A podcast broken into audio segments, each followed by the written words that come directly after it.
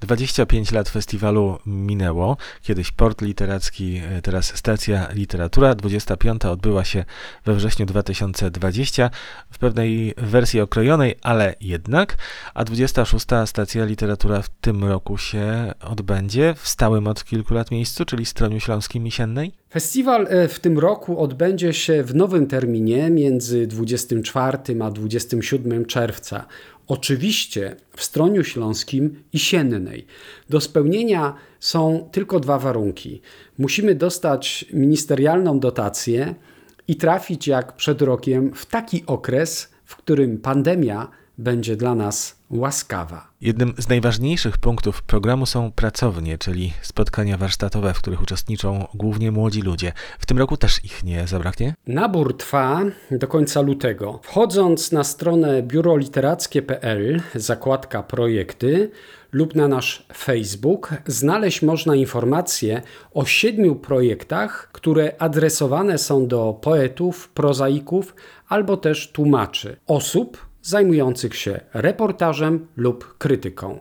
Jest też kilka zmian, między innymi połów dla prozaików oraz program Książka zaangażowana społecznie. Nie ma ograniczeń wiekowych. Tegorocznym pracowniom oraz projektom poświęciliśmy trzy odcinki podcastu Strona A, Strona B, który słuchać można w magazynie literackim Biblioteka, także na stronie biuroliterackie.pl. Pracownie nie są tylko wydarzeniem jednorazowym, festiwalowym, bo często za nimi idzie coś więcej. Właśnie się ukazały bądź ukazują aż cztery książki debiutantów. To uczestnicy pracowni? Pracownie to przede wszystkim szansa na wydanie swojej książki. Jeszcze nigdy nie zdarzyło się, żeby laureat projektu nie otrzymał jakiejś nagrody albo przynajmniej nominacji. To właśnie dzięki temu programowi Swoją pierwszą książkę wydała Agata Jabłońska i Jakub Przoniak, laureaci wrocławskiego Silesiusa. W ubiegłym roku była aż dziewiątka laureatów, w tym siódemka debiutantów. Teraz ukazują się ich książki. W tamtym roku Katarzyny Szwedy i Elżbiety Łapczyńskiej, w tym przypadku laureatki projektu prozatorskiego, który dojrzewał w swojej obecnej formie przez kilka lat, ale już po książce Eli widać, że biuro za chwilę może być równie mocno kojarzone z debiutami prozą. Natomiast 8 lutego ukazała się książka Antoniny Tosiek. Za chwilę będą pierwsze książki Agaty Puwalskiej i Michała Metnika. To są świetne pozycje, które dowodzą, że właśnie wśród debiutantów należy dzisiaj szukać najciekawszych rzeczy w literaturze. Zauważyłem, że młodzi poeci i młode poetki myślą o swoich książkach bardzo zawodowo, kompleksowo, można by powiedzieć. To nie są jedynie zbiory wierszy pisanych przez lata czy miesiące, lecz spójne, tematyczne, przemyślane również formalnie całości. To właśnie mam na myśli, gdy mówię o wyjątkowości tych książek. Kiedyś początkujący autorzy tworzyli swoje pierwsze tomy z wierszy, jakie powstawały w pierwszych latach ich pisania. Czasami był w tym jakiś wspólny mianownik, a czasami nie. Trudno było układać w jedną całość taki zestaw.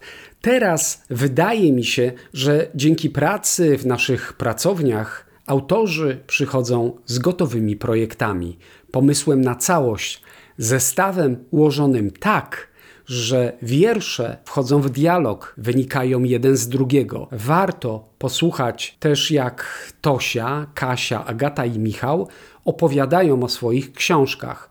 Utarło się, że dziennikarze robią wywiady tylko z prozaikami, bo poeci mówią tylko ogólnikami, odsyłają do swoich wierszy. A tutaj jest tak, że jak ktoś nie wie, że mówi to poeta, to przez chwilę może pomyśleć, że to jakiś reportażysta. Takie ciekawe są te projekty. Rozmawiamy dziś o tym, co ostatnio w biurze literackim, no i nowy tom Eugeniusza Tkaczyszyna Dyckiego na przykład. Ciało wiersza to jest rzeczywiście nowy Dycki, tom, który ukazuje się po nagrodzie za całokształt twórczości, zawsze jest tomem trudnym, może najtrudniejszym. Wspaniała książka. Nie tyle na podsumowanie 20 lat współpracy Dycia z biurem literackim, ale nowy początek. Bo to jest nowy początek. Dycki zaczyna się uśmiechać do siebie samego, bawić swoimi frazami, nie odchodzi od starych tematów, ale wyznacza też nowe. To nie jest trudna książka, zbiega się z kolejnymi zagranicznymi laurami. To bardzo uniwersalna poezja. Jestem pewien, że czytelnicy na Zachodzie zachwycą się Dyckim tak jak my w Polsce. Warto zwrócić uwagę na nową książkę wrocławskiej poetki Anny Adamowicz. Myślę, że będzie okazja porozmawiać z panią Anną na naszej antenie. Jej nebula rozpięta jest między prywatnym pokojem, w którym słucha się sonaty Beethovena, a kosmosem.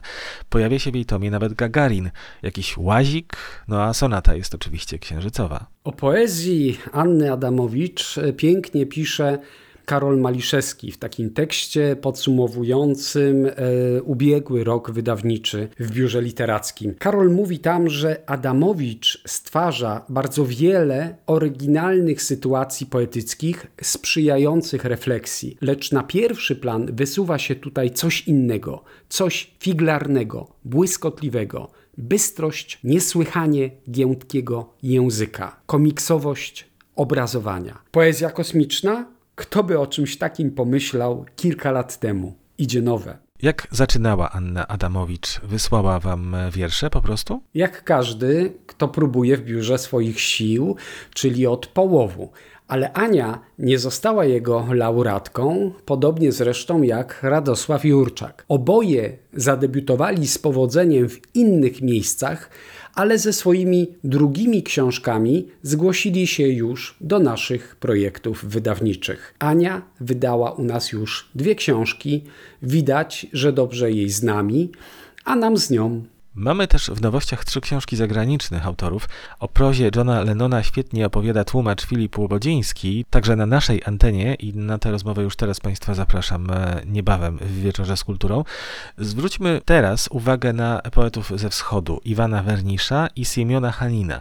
Wernisz to jest czeski klasyk, a Hanina po raz pierwszy chyba można poczytać w polskim przekładzie książkowym i to przekładzie nie byle kogo, Bogdana Zadury. Wernisz to dla wielu najważniejszy współczesny czeski poeta, zakazany w komunistycznych czasach, po aksamitnej rewolucji czytany na nowo. Teraz polscy czytelnicy dzięki serii Klasycy Europejskiej Poezji otrzymują liczący prawie 200 stron tom z przekładami i posłowiem Leszka Engelkinga. To poeta zaskakujący, prowokujący, chuliganiący, którego teksty rozpoznaje się już po przeczytaniu kilku linijek. Natomiast Siemion Hanin to piszący w języku rosyjskim łotewski poeta, członek legendarnej orbity. Jest jednym z pierwszych, którzy rozpoczęli performatywne poszukiwania cech wspólnych między różnymi formami wyrazu. Eksperymenty Hanina prowadzą